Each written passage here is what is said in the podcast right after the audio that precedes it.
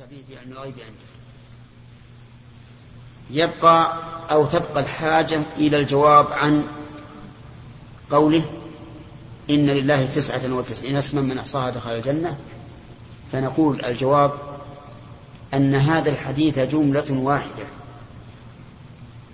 جملة واحدة. إن لله تسعة وتسعين اسما موصوفة بأن من أحصاها دخل الجنة. يعني وهناك أسماء أخرى لا علاقة لها بهذا الحكم. ونظير ذلك أن تقول عندي مئة فرس أعددتها للجهاد في سبيل الله. فهل يعني ذلك أنه ليس لك عند ليس لك سوى هذه المئة؟ إذا علمنا أن لك ألف فرس. الجواب نعم ولا لا؟ لا. فالحديث نظير هذا المثال الذي ذكرنا. أن المعنى من أسماء الله تسعة وتسعين اسما من أحصاها دخل الجنة. وحينئذ تكون الأسماء غير محصورة. ولكن هل هذه التسعة وتسعون هل هي معلومة؟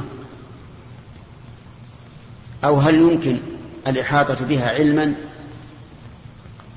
الجواب نعم لأنه لو كان لا يمكن لكان كلام النبي صلى الله عليه وسلم وحاشاه لغوا. إذا يمكن إحصاؤها. ما هو الطريق إلى إحصائها؟ الطريق إلى هذا جاء حديث بسرد هذه الأسماء. لكن شيخ الإسلام ابن تيمية رحمه الله قال إن سردها مدرج وليس من كلام النبي صلى الله عليه وسلم فلا يحتج به.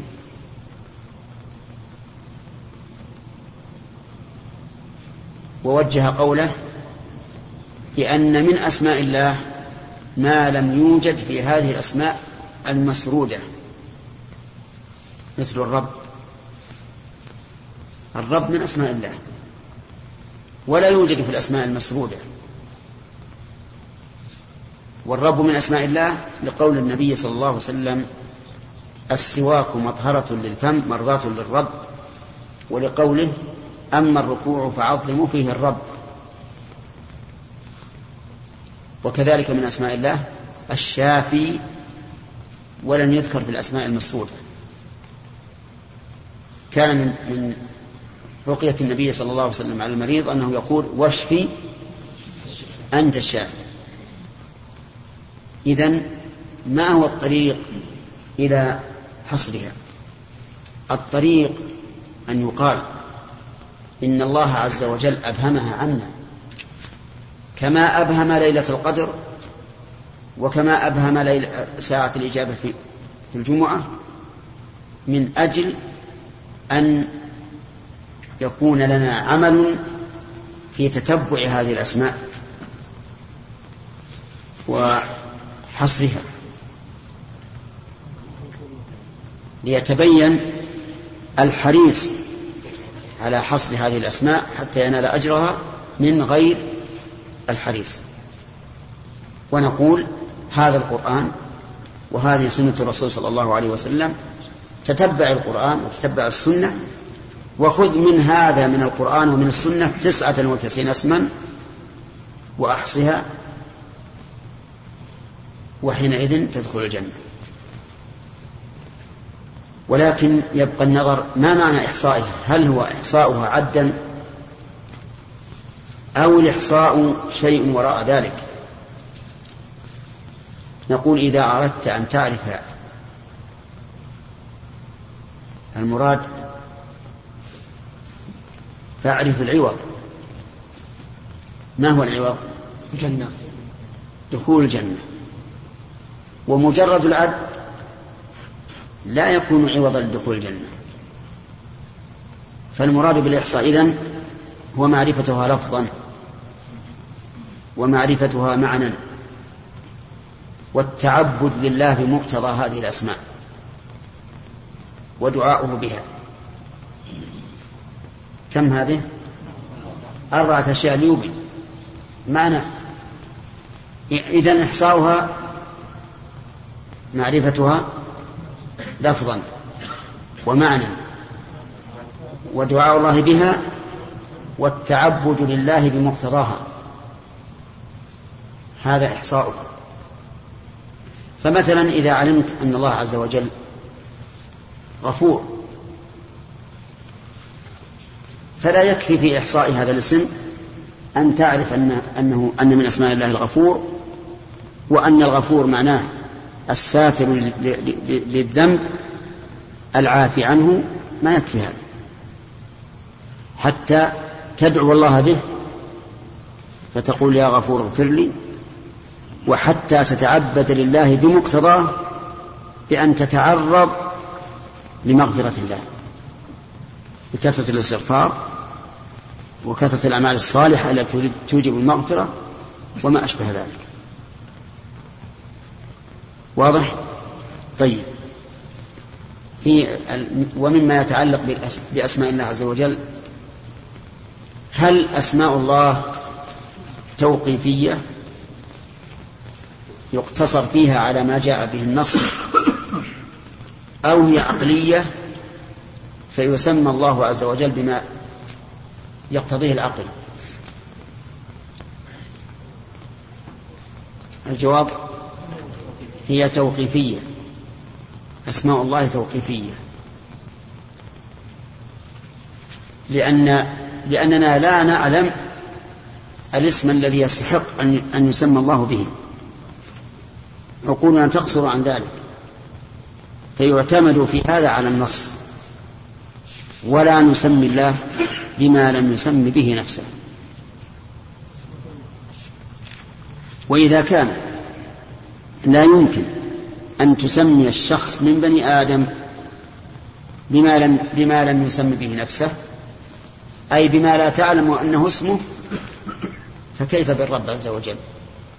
يعني إذا كان لا يمكن أن تقول لشخص لا تعلم اسمه يا عبد الله مثلا يا علي يا خالد يا بكر.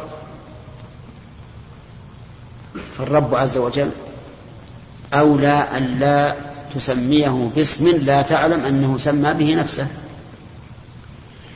لأن جانب الربوبية أعظم احتراما من جانب البشرية.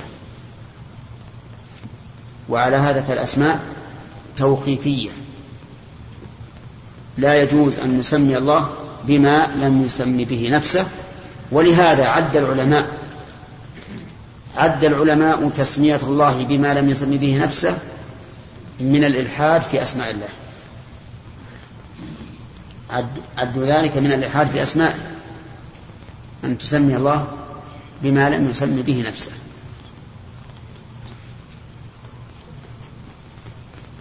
ومما يتعلق بالأسماء تعليقا على ما سبق أن قلنا إن أسماء الله الحسنى أن نطبق ما جاء في الحديث الصحيح من قوله تبارك وتعالى في الحديث القدسي يؤذيني ابن آدم يسب الدهر وأنا الدهر بيدي الأمر أقلب الليل والنهار. قال الله عز وجل وأنا الدهر. فهل الدهر من أسماء الله؟ نعم. في خلاف. الله يقول وأنا الدهر. نعم. نقول إن الله قال ولله الأسماء الحسنى. فخص أسماءه بأنها حسنى وهذا تعليق على ما سبق لكن نسينا أن نعلقه في وقته. والدهر ليس من أسماء الحسنى. ثم إن الله قال يسب الدهر يؤذيني ابن آدم يسب الدهر. والذين يسبون الدهر ليسوا يسبون الله بل يسبون الوقت يسبون الزمن يسبون السنة. ليسوا يسبون الله. يسبون الوقت. وعلى هذا فيكون معنى قوله وأنا الدهر يعني أنا المدبر أو المتصرف في الدهر. بدليل قوله بيدي الأمر أقلب الليل والنهار. وهذا أمر واضح. أن الدهر هنا الوقت وليس اسما من أسماء الله عز وجل بناء على القاعدة التي دل عليها قوله تعالى ولله الأسماء الحسنى ولأن سياق الحديث يأبى أن يكون المراد إثبات اسم الدهر من أسماء الله تعالى. إيه، مما يتعلق بالأسماء أيضا والصفات. أن الصفة أوسع من الاسم. الصفات أوسع من الأسماء.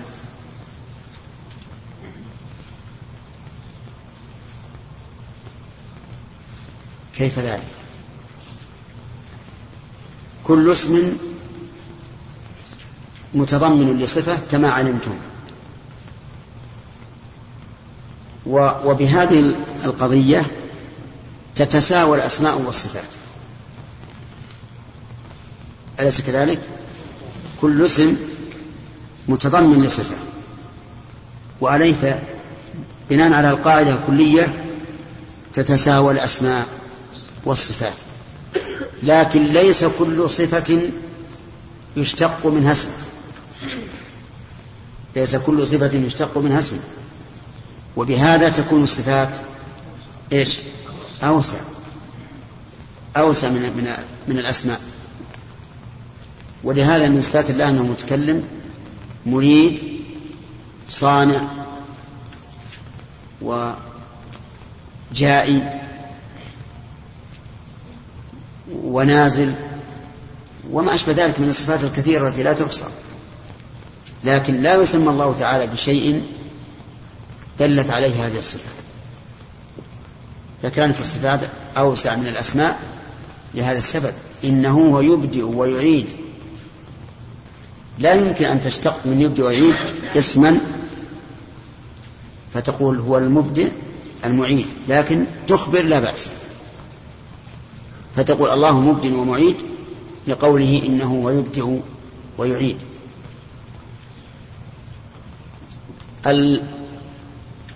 القابض الباسط وما أشبه ذلك هل هي من أسماء الله؟ لولا الحديث لقلنا جزما إنها ليست من أسماء الله. لأنه ليس لا لم يأتي في القرآن إلا بلفظ الفعل. يبسط ويقبض لكن جاء في الحديث إن الله هو القابض الباسط. فهل نقول إن القابض الباسط من أسماء الله بقوله إن الله هو القابض الباسط؟ أو نقول إن الحديث ورد على قضية معينة وهي التسعير. لما طلب الصحابة من النبي صلى الله عليه وسلم أن يسعر حين غلى السعر قال إن الله هو القابض الباسط المسعر. فيكون القابض الباسط يعني في الرزق هو الذي يقبضه ويبسطه وهو الذي يقدر الغلاء والرخص. فيكون هذا من باب الصفة لا من باب الاسم. والأمر محتمل. لكن القاعدة اللي فهمنا الآن ما هي؟ أن الصفات أوسع من الأسماء. ووجهه أن كل اسم متضمن لصفة وليس كل صفة متضمنة لاسم أو ليس كل صفة يمكن أن يشتق منها اسم. هذا ما يتعلق بالأسماء مما حضرني الآن وربما يكون هناك أشياء تأتي فيما بعد. أحسن الله إليكم. الفرق بين الخبر والصفة. نعم. ما هو الشيء الذي يخبر؟ لا بين الخبر والاسم. الخبر هو الصفة يعني ما يخبر به عن الله هو صفته. كان ابن القيم في بدائع الفوائد يفرق بين الخبر والصفة. ما يظهر الفرق بينهم. إلا إذا أراد بالصفة الصفة اللازمة الدال عليها الاسم مثل السمع والبصر. نعم. نعم.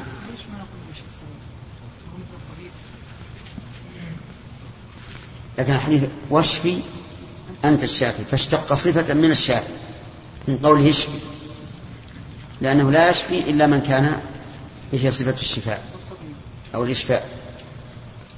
الطبيب أيضا إذا إذا جاء بمثل هذا الصيغة سميناه طبيبا سميناه الطبيب. الطبيب إذا جاء بمثل هذه الصيغة التي جاء بها الشافعي قلنا أنه لأن الطب المطلق لله عز وجل. نعم.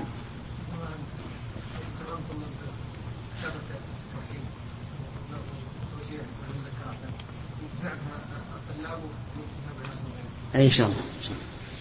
طيب فيه في سؤال هل يوصف الله بأنه عارف؟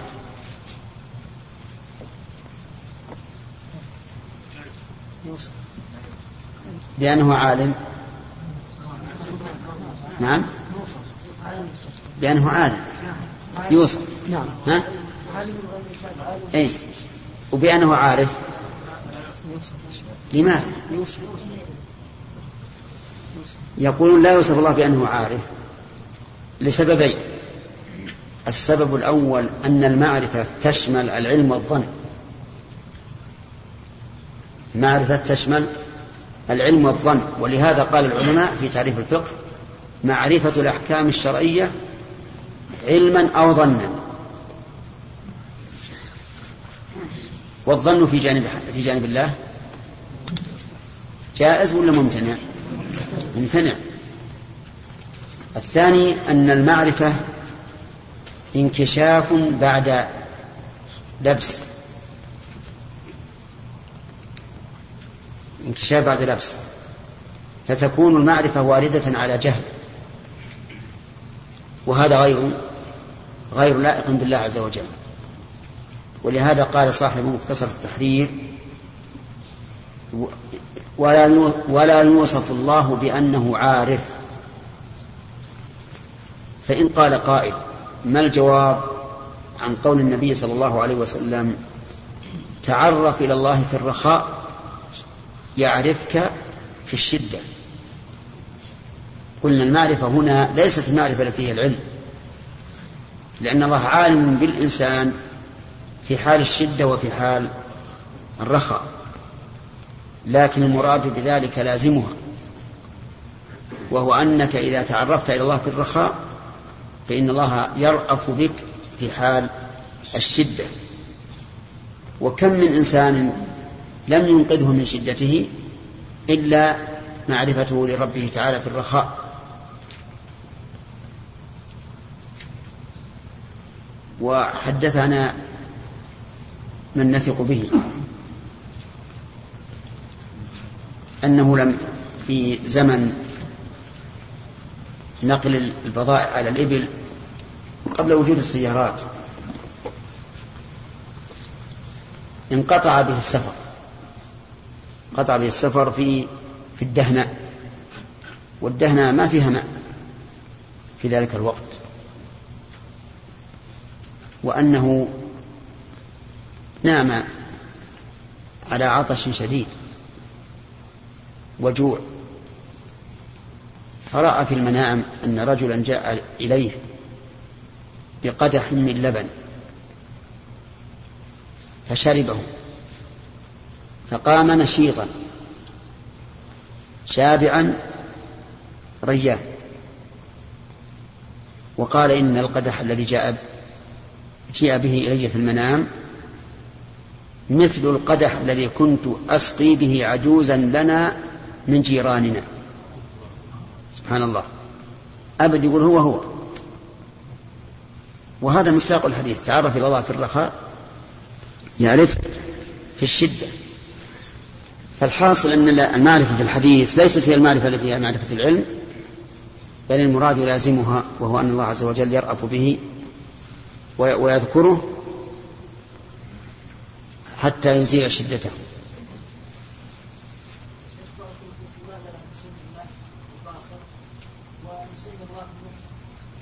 نعم. المحسن ورد فيه حديث لأن الله تعالى محسن. وبعض العلماء يقول إنه ليس من أسماء الله ولكنه خبر. لأنه لم يرد معرفا بأل. فيكون خبرا. لكن الشيخ الإسلام رحمه الله عده من الأسماء. وقال إن المحسن من أسماء الله ولهذا أقره العلماء. فكان من أجدادنا من يسمى بعبد المحسن. يقول الشيخ يعني فكانوا رحمه الله رأى أنه من الأسماء. والناس ما زالوا يقولون عبد المحسن عبد الباري عبد الخالق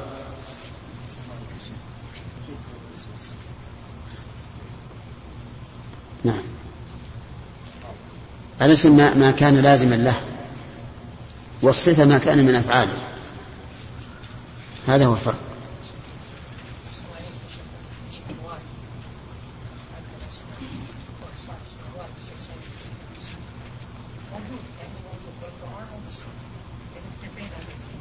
ها؟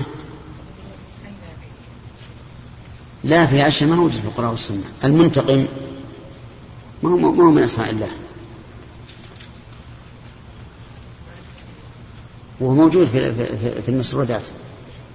الأسماء المسرودة موجود فيها اسم المنتقم وهذا ليس من أسماء الله. بل هو من وصف الله المقيد أيضا. إنا من المجرمين منتقمون. يعني معناه كأننا روحنا الدرس اليوم. صانع. خبرا لا بأس.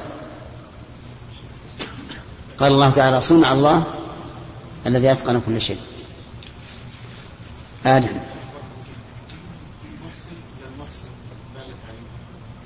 الناس الآن يسمون عبد المحسن. جاء في الحديث إن الله محسن. كتب الإحسان على كل شيء. فإذا قتلته فأحسن القتل الإحسان المطلق ما فيها شيء. نعم. هذا بسم الله. سم. سم بالله. نعم. كيف؟ طيب.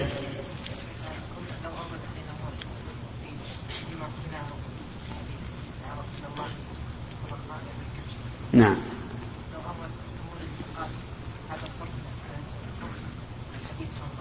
نعم. أورد الأخ سامي العقيلي يقول لو أورد علينا مورد بأننا إذا قلنا المراد بقوله يعرفك في الشدة أي الرحمة والحنان والعطف وما أشبه ذلك وقال هذا صرف لللفظ عن ظاهره. وأنتم تشنعون علينا إذا صرفنا اللفظ عن ظاهره. فما الجواب؟ الجواب أن صرف اللفظ عن ظاهره إذا كان لدليل إذا كان لدليل فإنه لا بأس به. عرفت؟ ولهذا نقول إن قوله تعالى فإذا قرأت القرآن فاستعذ بالله. معناه إذا أردت أن تقرأ. وهذا المعنى متعين مع أنه خلاف ظاهر اللفظ. ما هو؟ إذا قرأت القرآن هذا في دليل. أن الرسول كان يتعوذ عند إرادة القراءة. الدليل بلغتكموه ماذا قلنا في الدليل؟ قلنا إن الله يعرف الإنسان في الشدة وفي حال السعة. هذا من وجه الوجه الثاني أن الله لا يوصف بالمعرفة لأن المعرفة معناها اللغوي. انكشاف بعد لبس يعني بعد خفاء. والله عز وجل لا يخفى عليه شيء. وأيضا المعرفة في اللغة تشمل العلم والظن. والظن في حق الله غير وارد. ما يليق بالله أن يكون ظن. الظن منا ومن الثاني والثالث اللي تخفى عليهم الأمور. نعم.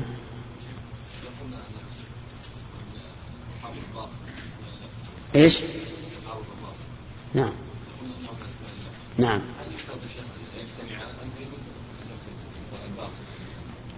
لا الأولى, أولى, الأولى جمعهما. ويكون هذا من من الأسماء المزدوجة التي لا يتم الكلام إلا باجتماعه. لا لا, لا, لا يتم الكمال. لا يتم الكمال إلا باجتماعها وإن كان الباسط لو أفرد لكان لا بأس به. لكن القابض مجرد القبض ليس صفة كمال. لكن إذا قلنا القابض الباسط صار معناه كمال التصرف في حق الله عز وجل قبضا وبسطا. ولو قلنا الباسط فقط لكان معناه الموسع وهو صفة كمال على كل حال. فالقابض لا يذكر وحده. أما الباسط لا القابض لا لا يذكر وحده وأما الباسط فلا بأس. نعم بعض الأسماء إذا حضرنا تأتي دائما مع بعض فهل هناك إيه يكون فيها تناسب. يعني جمع الاسم إلى الآخر يكون منه كمال آخر فوق ذكر كل اسم وحده. فالجمع بين العزة والحكمة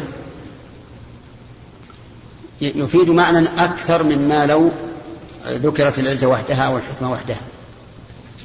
لأن العزيز إذا لم تكن عزته بحكمة ربما يكون التصرف تصرفا غير حكيم.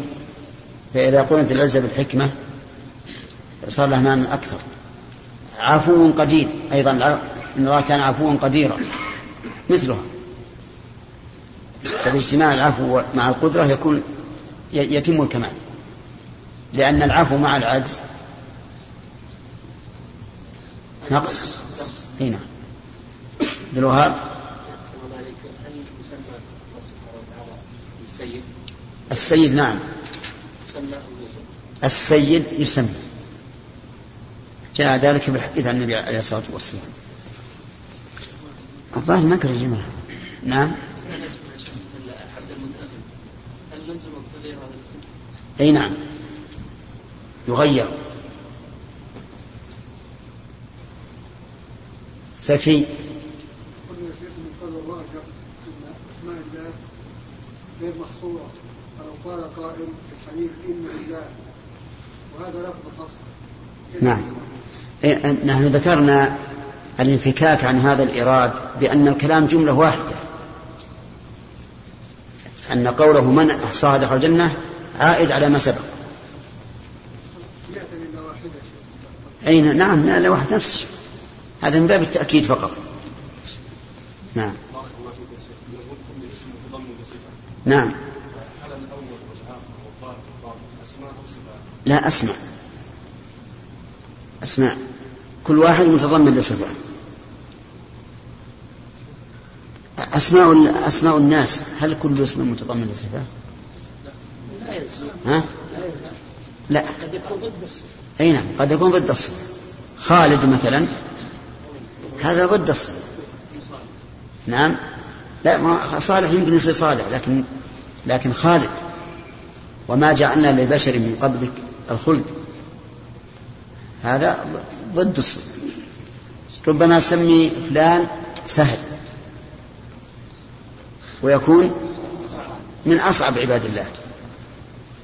ربما تسميك عبد الله وهو كافر. وصالح وهو غير صالح. ولهذا أقر النبي صلى الله عليه وسلم باسم حكيم. أقر اسم حكيم لأنه لا يراد بها ملاحظة الصفة التي هي الحكمة. ومنع التكني بأبي الحكم. وقال إن الله هو الحكم وإليه الحكم. منع التكني بأبي الحكم لأنه قد يوهم أن لله أبا قد يوهم بأن لله أبا والله عز وجل ليس له أب. أبو الحكم والمعروف أن الحكم هو الله يوهم هذا المعنى الفاسد.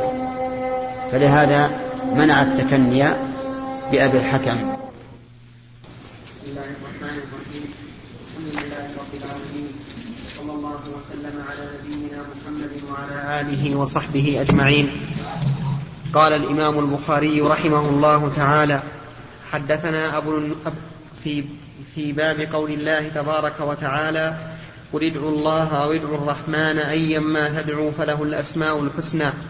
قال حدثنا أبو النعمان قال حدثنا حماد بن زيد عن عاصم الأحول.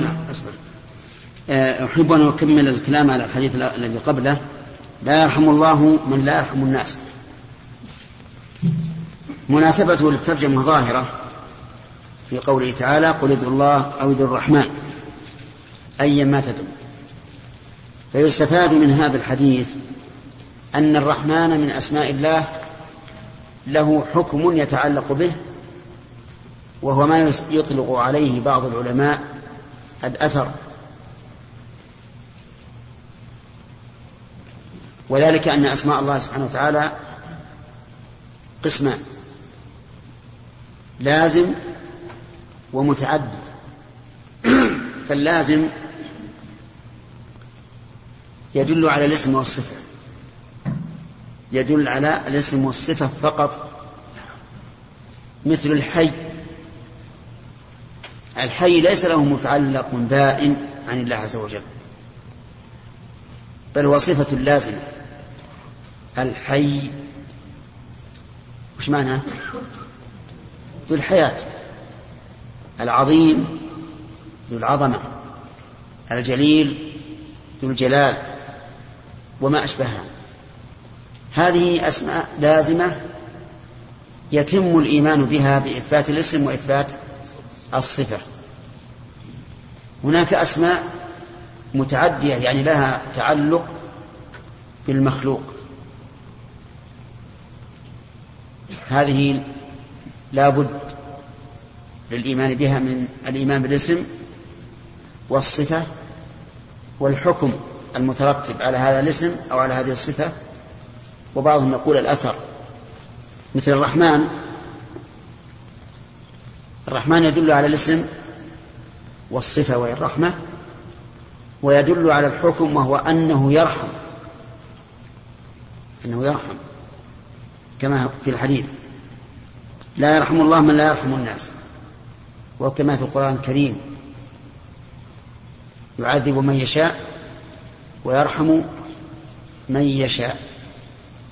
طيب السميع من أي قسمين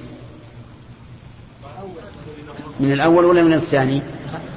يعني من الذي له حكم أو من الذي لا, لا, لا يتعدى حكمه؟ له حكم. له حكم. بدليل قوله قد سمع الله قول التي تجادلك في زوجها وتشتكي إلى الله والله يسمع تحوركم طيب. الحكيم.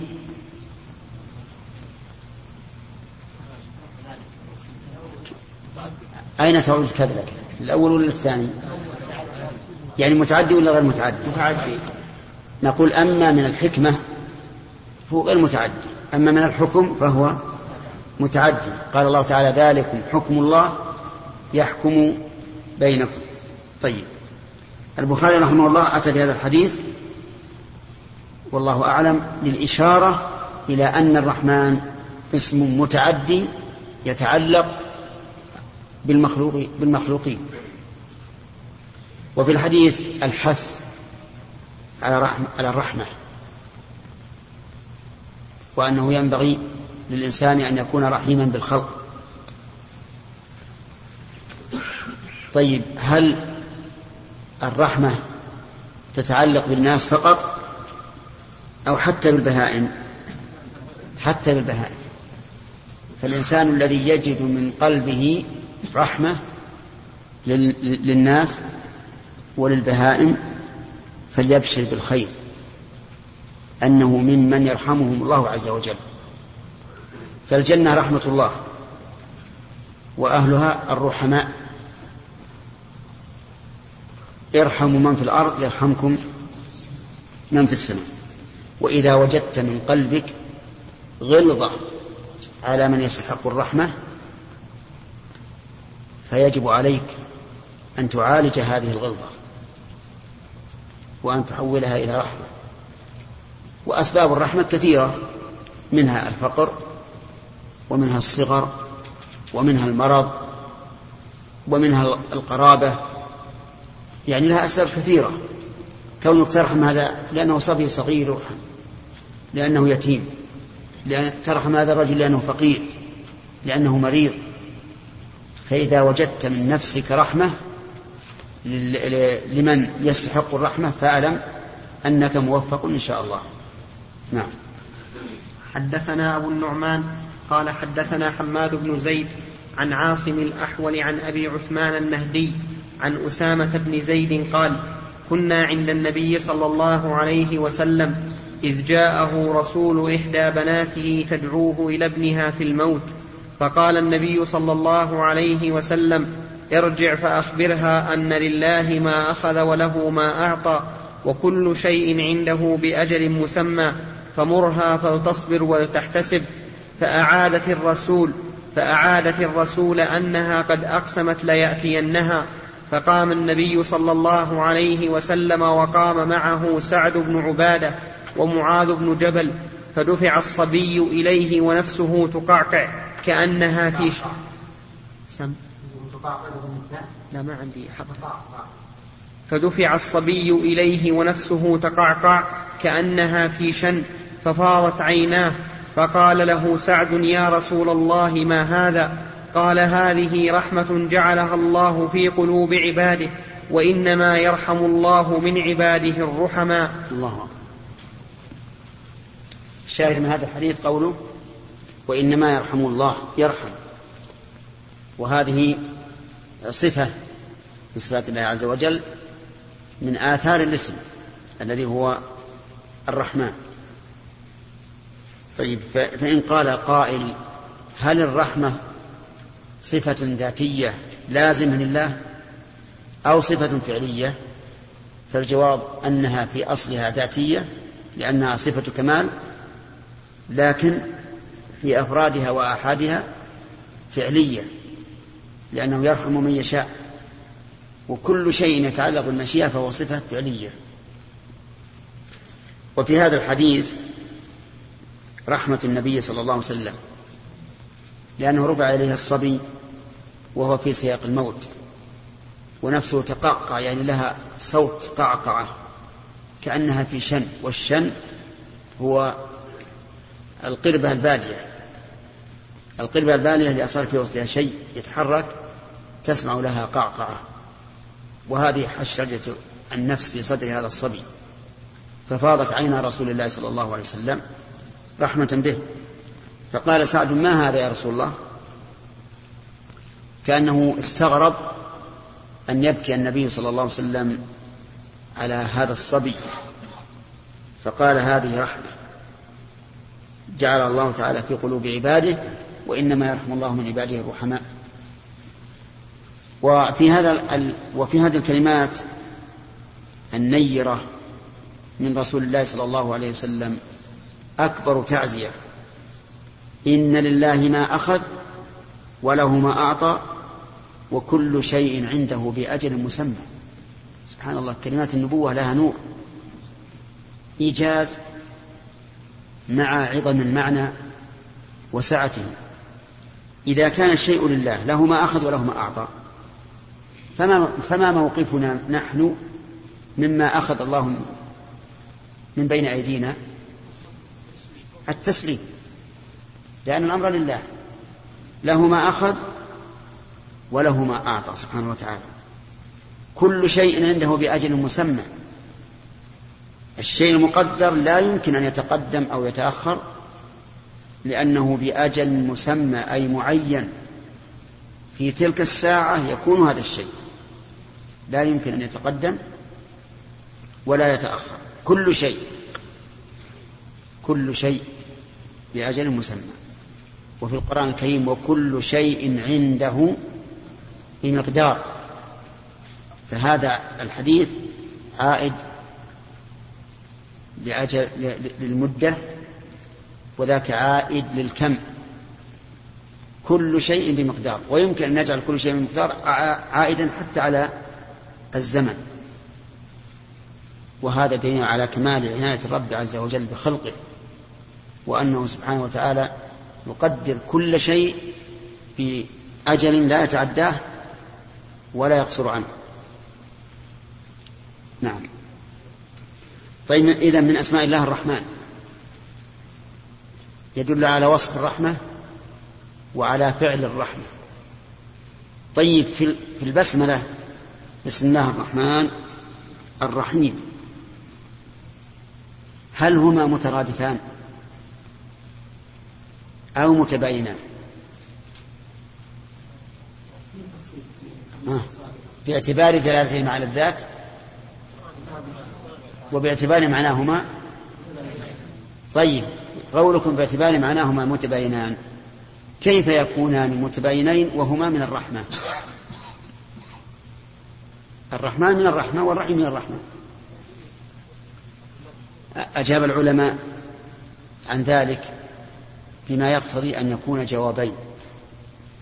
الجواب الأول أن الرحمن صفة عامة والرحيم صفة خاصة. فالرحمن عامة لكل أحد والرحيم خاصة بالمؤمنين. كما قال تعالى وكان بالمؤمنين رحيما. والمعنى الثاني أن الرحمن باعتبار الوصف أيها الإخوة في ختام هذه المادة نسأل الله أن نلقاكم في لقاءات متجددة. مع تحيات مؤسسة الاستقامة الإسلامية للإنتاج والتوزيع في عنيزة. شارع هلالة رقم الهاتف والناسخة الهاتفية صفر ستة ثلاثة ستة أربعة ثمانية ثمانية ثمانية صفر. والرقم الثاني صفر ستة ثلاثة ستة أربعة خمسة ثمانية ثمانية صفر. ورقم صندوق البريد اثنان وخمسمائة وألف.